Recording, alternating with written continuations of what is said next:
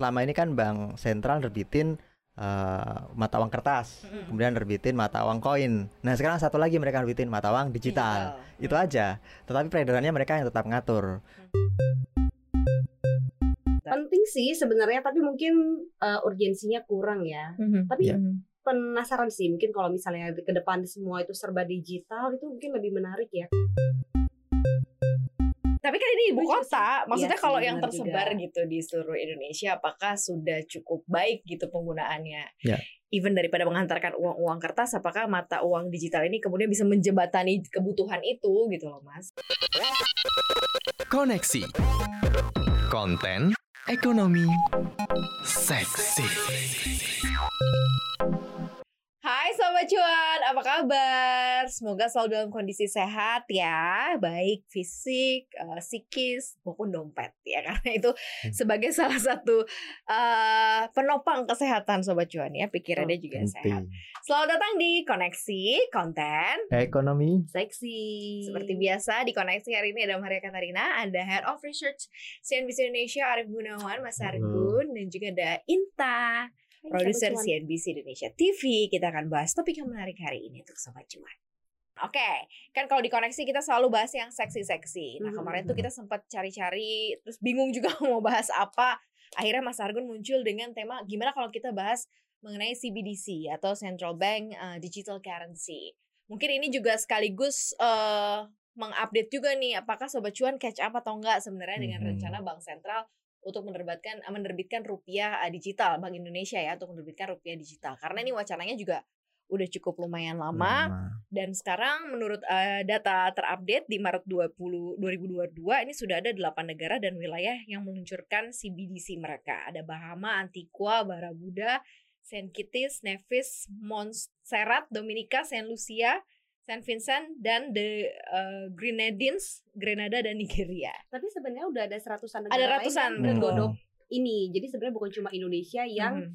eh, udah terkait dengan Berencana. isu mata uang Mhm. digital ini. dan ini dibahas juga di acara yang lagi berjalan ya di Bali ya. Hmm. Sekarang ya di Ketika G20. menteri-menteri keuangan pada ngumpul, Mhm. eh, mereka lagi ngebahas tentang si eh, urgensi mungkin ya, Mhm. dan gimana cara penerapannya.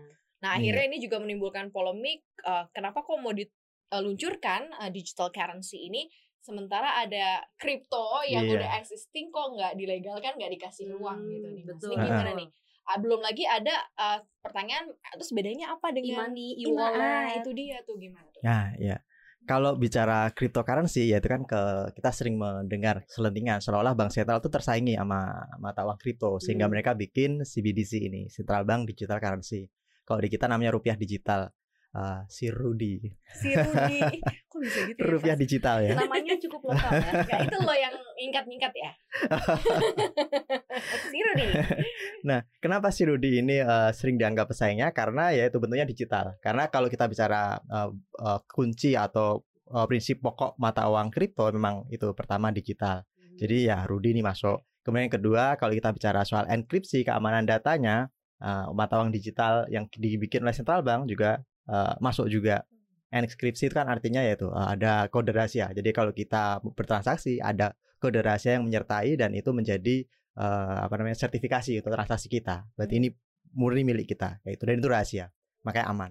Nah, ketiga ya ini uh, apa namanya uh, tidak tersentralisasi Hmm. mata uang Hmm. kripto ini. Mhm. Nah, ini yang tidak bisa disaingi oleh bank sentral. Karena kalau mereka menerbitkan mata uang digital, maka mata uang yang mereka terbitkan itu tetap mereka kuasai, tersentralisasi. Peredarannya mereka atur, berapa yang dicetak itu setiap ya taruhlah setiap harinya berapa dicetak. Nah, itu bank Mhm, sentral yang mhm. atur.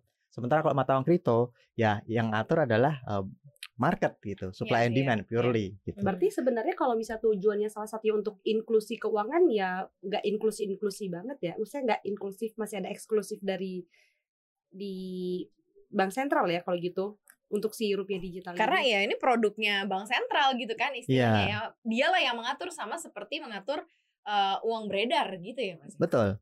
Karena nanti itu sama seperti prinsipnya ya selama ini kan bank sentral nerbitin eh, mata uang kertas, Mm-mm. kemudian nerbitin mata uang koin. Nah, sekarang satu lagi mereka nerbitin mata uang digital. Itu aja.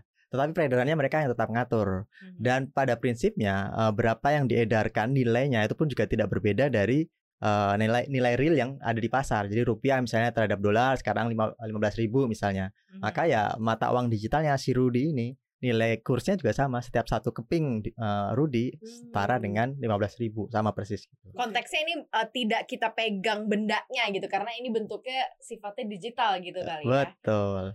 Nah, Oke, itulah yang oke. ingin di eh, apa ya disasar oleh bank eh, sentral. Karena kalau bentuk mata uang digital itu memang dia lebih efisien kalau untuk transaksi Oke. lintas wilayah, Cross lintas border. negara. Selama ini misalnya kalau kita pakai mata uang kripto, kita mau beli kapal pesiar misalnya di Amerika pakai Bitcoin, gampang, nggak perlu bayar uang administrasi, Benar. biaya clearing di bank, ya itu yang bikin mata uang kripto digemari gitu ya oleh para penggunanya. Nah ini yang kemudian di- dipikirkan oleh bank sentral. Oh ya juga ya, kalau Hmm. kemudian kita terlalu bergantung pada mata uang fisik gitu ya, Mhm. memang ya dan lembaga keuangan serta proses-prosesnya yang panjang, ada proses clearing dan sebagainya. Nah itu memang jadi lebih mahal. Maka mungkin mereka mau berpikir perlu mata uang digital juga yang bisa ditransaksikan oleh warga negara secara lintas negara dengan lebih efisien gitu. Hmm. Siapa nantinya yang akan disasar sebagai uh, pengguna aktif? Karena kan katanya ada CBD yang grosir, CBD yang retail, katanya banyak kan ya. Tapi Hmm. sebenarnya yang mau disasar sebagai pengguna siapa? Uh, apakah kita kita ini juga nanti sebagai salah satu pengguna seperti kita menggunakan uang koin, uang kertas atau kayak gimana? Ya sebenarnya secara prinsip bank sentral itu sudah menerbitkan mata uang digital dengan kewajiban reserve. Jadi kalau kita bicara soal reserve-nya bank sentral itu mata uang digital, itu bentuknya digital, nggak ada fisiknya gitu. Iya sih, Nah itu juga, mungkin yang benar-benar. bentuknya grosir itu kalau kita Grosir, bicara ya, nanti ya, ya, bank-bank ya kan Mhm. bisa menaruh simpanan di sana, naruh berapa, dapat Mhm, berapa, nah itu bentuknya digital. Eh, tetapi yang sekarang di, di- dikembangkan itu lebih pada penggunaan ke retail gitu. Jadi ke masyarakat secara luas. Nah, kemudian apa bedanya dengan e-money kemudian atau e-wallet gitu Iya, ya? Hanya dari sisi penerbitnya aja. Jadi kalau bank Hmm. ya CBDC ya diterbitkan oleh bank sentral. Kalau e-wallet kan diterbitkan oleh perusahaan non non bank ya. Ya kalau kita bicara soal OVO ya kan dia bukan perusahaan bank. Ya lembaga keuangan tapi bukan bank. Kalau kita bicara soal GoPay, e-wallet ya, ini kan bukan eh, diterbitkan oleh bank juga. Gojek belum punya bank ya, meskipun terafiliasi dengan Bank Arto misalnya. Dan kalau kita bicara soal e-money, misalnya e-money yang kita miliki buat bayar apa tol misalnya, ya itu kan diterbitkan oleh bank penerbit tersebut. gitu. Betul. Nah kalau ini mata uang digital juga, tetapi diterbitkan oleh bank sentral gitu. Hmm. Dan ini mempengaruhi eh, uang beredar M1 dan M2. Nah ini nih, lo kebayang gak sih? Karena gue mikirnya gini deh tadi kan kalau misalnya yang kita gunakan sekarang ini, misalnya kita punya dompet digital, OVO atau apa, kita kan menggunakan metode transfer. Udah, gue nggak bawa ke mana-mana uangnya, ya gue Mm-mm, bertransaksi pakai itu. Even curious aja deh, ya kan? Hmm. Itu sama aja kan, mendigitalisasi uh, transaksi uh, Ya. uangnya mah nominalnya tetap ada. Ya. Nah nanti kalau seandainya kita punya ini nih, uh, Mhm. si Rudi gitu ya, itu berarti be- beda uh, dengan jumlah tabungan kita dong. Apa jumlah tabungan kita pun di convert nanti bentuknya jadi si digital si Rudi ini atau kayak gimana gitu? Gue belum kebayang sih mas. Ya. Apakah sobat cuan sudah mulai ter terpetakan atau gimana Bunta? Gue belum kebayang sih. Apakah ini dengan dengan dengan eh, apa nominal yang sama dengan jumlah tabungan kita kemudian didigital didigitalisasi menjadi Ya. menjadi uang digital atau kayak gimana? Ya kalau sepanjang yang saya ketahui ini memang eh, mata uang tambahan gitu. Jadi kalau kita Oke. udah punya eh, tabungan, taruhlah Mhm. ya berapalah 50 juta misalnya. Kemudian udah ada bank digital, eh bank digital, uang digital si Rudi ini. Nah kemudian saya ingin memiliki Rudi, Nah, maka ya pada prinsipnya saya tidak bisa eh, apa namanya meng, apa namanya me- menggabungkan mata uang saya yang ada di bank tersebut tabungan, Tabungan. fisik, fisik. ah, fisik Ha-ha. dengan yang digital. Kalau mau memang konversi dan itu otomatis mengurangi tabungan saya gitu. Oh, duit kertas atau duit tabungan gue yang di bank ini Ah. dikonversi ke Ya. Rudi. Rudi dengan nilai yang sama sama persis karena itu tadi eh, kursnya tetap sama. Kalau kita bicara kursnya nilai mata uang nilai intrinsiknya tetap sama. Eh, Hmm. eh, nilai ekstrinsiknya tetap Hmm. sama. Tapi gitu. kenapa sampai ada ancaman ini Mas yang eh, bisa mengganggu stabilitas keuangan Mm-mm. sampai diwanti-wanti hati-hati nih nanti bisa bikin krisis Ya. keuangan. Nah Apa problemnya paling dikhawatirkan, ditakutkan? Ya, problemnya adalah karena kalau saya ingin memiliki mata uang digital tersebut kan tadi tuh saya harus mengkonversi tabungan saya. Oke. Jadi yang nggak bisa saya kemudian otomatis kalau punya tabungan 50 juta tiba-tiba kemudian uh, Bank Sentral menerbitkan ini kemudian saya juga ingin memiliki itu maka ada kalau kita di pasar modal ada istilah apa right issue gitu kan. Isu. Dapat hak lagi kemudian ya kita dapat hak lagi untuk mendapatkan itu enggak. Jadi kalau mau memiliki mata uang digital itu harus di convert. Nah, ketika mengconvert 50 juta itu maka bank kehilangan 50 juta dana pihak ketiga. Karena, Karena dan berubah menjadi si rupiah digital. rupiah digital dan itu di luar uh, oto ke- kewenangan mereka. Itu udah di Hmm. wilayah di luar wilayah mereka. Kalau yang mengkonversi bukan hanya Argun tapi satu juta, dua juta orang Indonesia Hmm. nilainya bisa satu miliar dan sebagainya, maka senilai itu pula DPK perbankan akan berkurang Oke. karena dikonvert ke uang digital itu. Entar entar kita pakai untuk beli apa di luar sana. Berarti nggak bisa menyusut ya langsung. menyusut. Jadi nggak bisa digunakan dananya untuk eh, pembiayaan, kredit dan lain-lain dong. Oleh perbankan. Oleh perbankan. Berarti Ya. nggak bisa karena kalau seandainya banyak eh, retail yang mengkonversi mengkonversi itu menjadi eh, rudi gitu. ya. Iya. Itu yang akan terjadi. Dan itu Oke. akan memendisrupsi juga soal bukan hanya deposito ya dan Mm-mm. tabungan tetapi eh, ATM. ATM pastilah ya. Kita tidak akan lagi pa- pakai eh, apa perlu ATM untuk ngeluarin duit kita karena ya udah mungkin pakai ya QRIS, pakai uang digital kita udah ada semua di situ. E-wallet juga nanti terdisrupsi gitu. Karena kan e-wallet masih berbasis pada transfer dari perbankan Mm-mm, gitu. betul, Kalau ini kan udah nggak perlu. Saya di bank sentral udah ada memiliki sekian sekian account eh, satu account sekian eh, rupiah. Nah itu yang kemudian bisa saya pakai langsung untuk transaksi eh, di secara digital gitu. Dan juga yaitu payment itu, payment itu yang akan sangat terdisrupsi. Termasuk e-wallet juga. Jadi kalau Oke. misalnya kayak gini sebenarnya kan tujuannya cita-citanya bagus ya, tapi tapi ancamannya juga mengerikan. Heeh. Urgensinya sepenting apa sih Mas Argun menurut Mas Argun butuh nggak sih sekarang itu buat direalisasikan karena kan sekarang sebenarnya tantangannya juga lagi banyak ya. Kita banyak banyak inflasi. rupiahnya juga lagi struggle juga sebenarnya Iya, posisinya sekarang Masih Hmm. banyak PR lain yang harus dikerjakan selain fokus untuk mengeluarkan si eh, Rudi Rudi rupiah digital. ke pasar. rupiah digital Tapi nggak sih sebenarnya Mas si Rudi ini untuk saat ini ya? Kalau eh, urgensi, kalau gitu bicara penting tidaknya itu sebenarnya nggak nggak penting-penting amat sekarang ini gitu ya. Tetapi kalau kita bicara eh, eh, signifikansi dalam jangka panjang, Mhm. ya kita emang harus bersiap gitu. Karena kalau tadi 8 negara sudah memulai eh, dan seratusan negara juga sudah mulai menggodok ya. Mm-mm. Dan kalau Indonesia tidak ada di situ, maka ya kita akan menghadapi konsekuensi eh, apa namanya kebingungan karena ter, ter- tertinggal gitu. Hmm. Yang lain sudah ke mana-mana, kemudian juga mungkin sistem keuangannya semakin eh, canggih kita masih konvensional. Nah itu mungkin yang eh, risiko di masa depannya.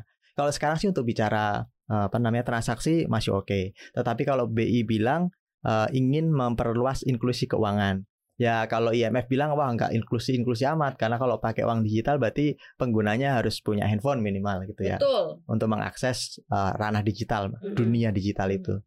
Uh, tetapi di Indonesia kan problemnya sekarang ini memang pada dasarnya lebih mudah mengakses uh, internet dibandingkan menuju kantor cabang perbankan di Mm. daerah-daerah terpencil terutama ya.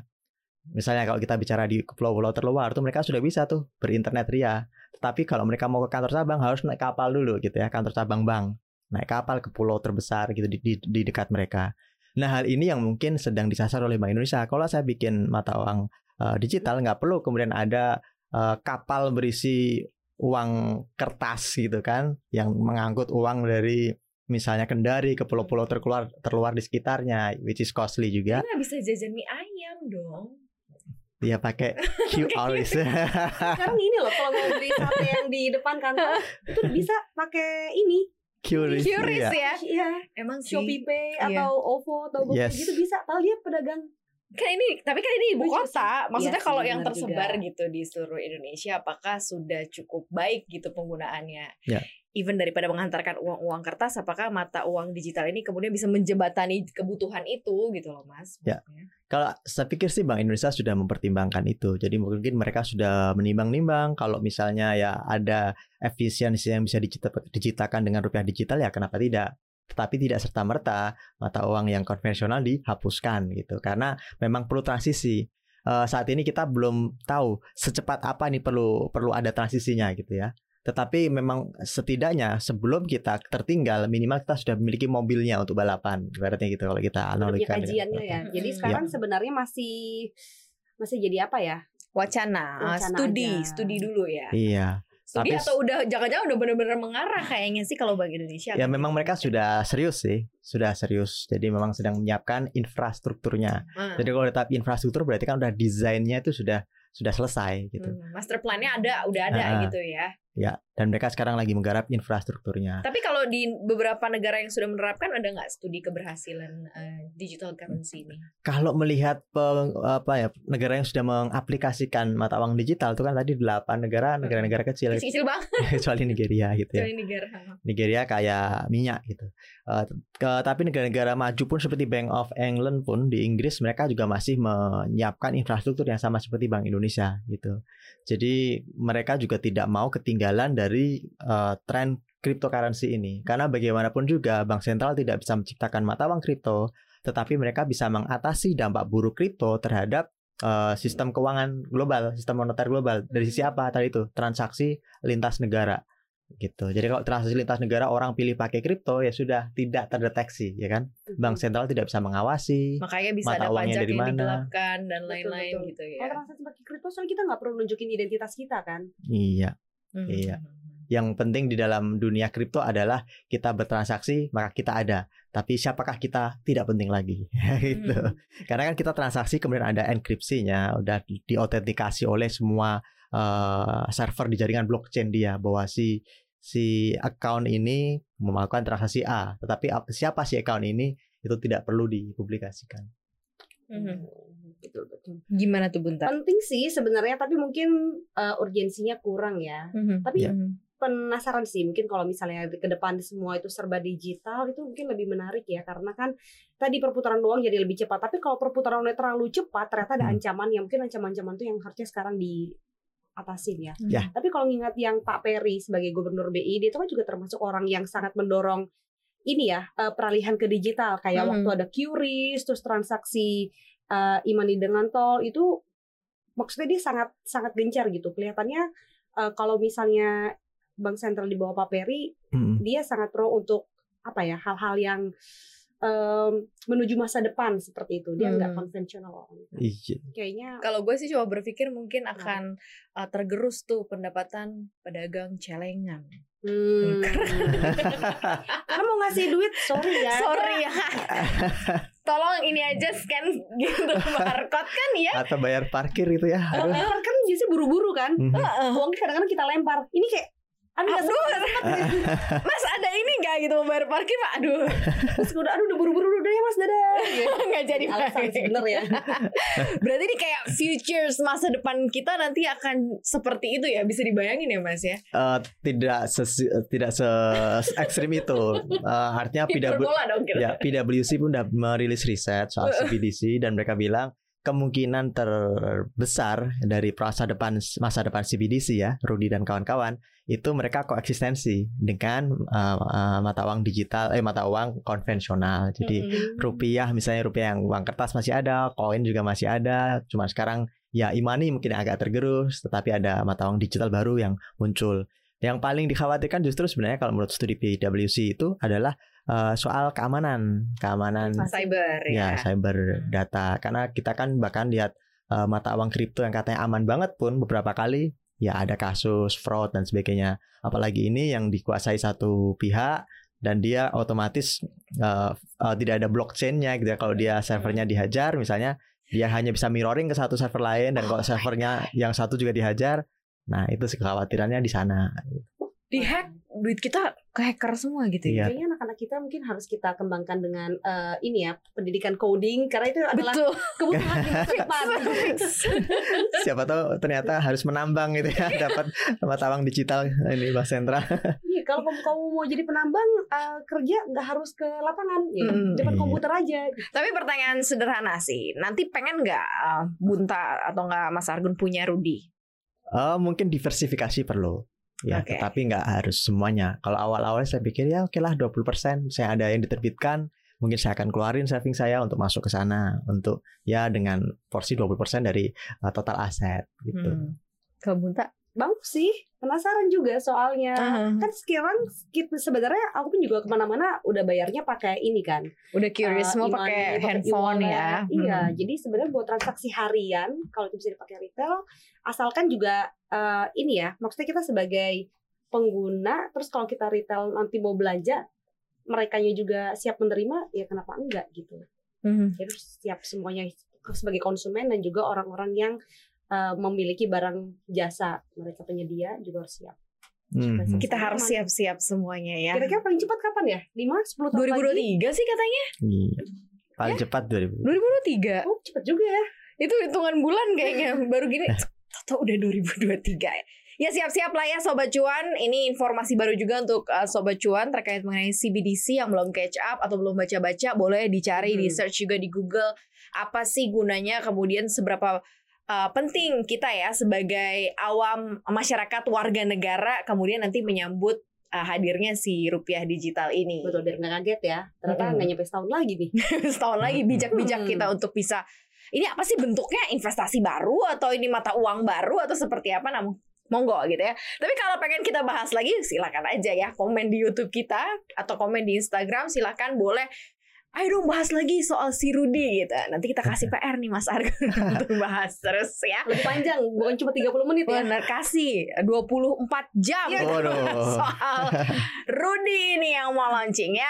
Gitu aja bahasan kita hari ini ya Sobat Cuan. Semoga bisa kasih update informasi juga untuk Sobat Cuan. Jangan lupa untuk dengerin konten podcast kita lainnya di mana aja. Ada di Google Podcast, Apple Podcast, Spotify, dan juga Anchor. Selain Mhm. itu ada konten di Instagram juga. Ya. Di cuap underscore cuan.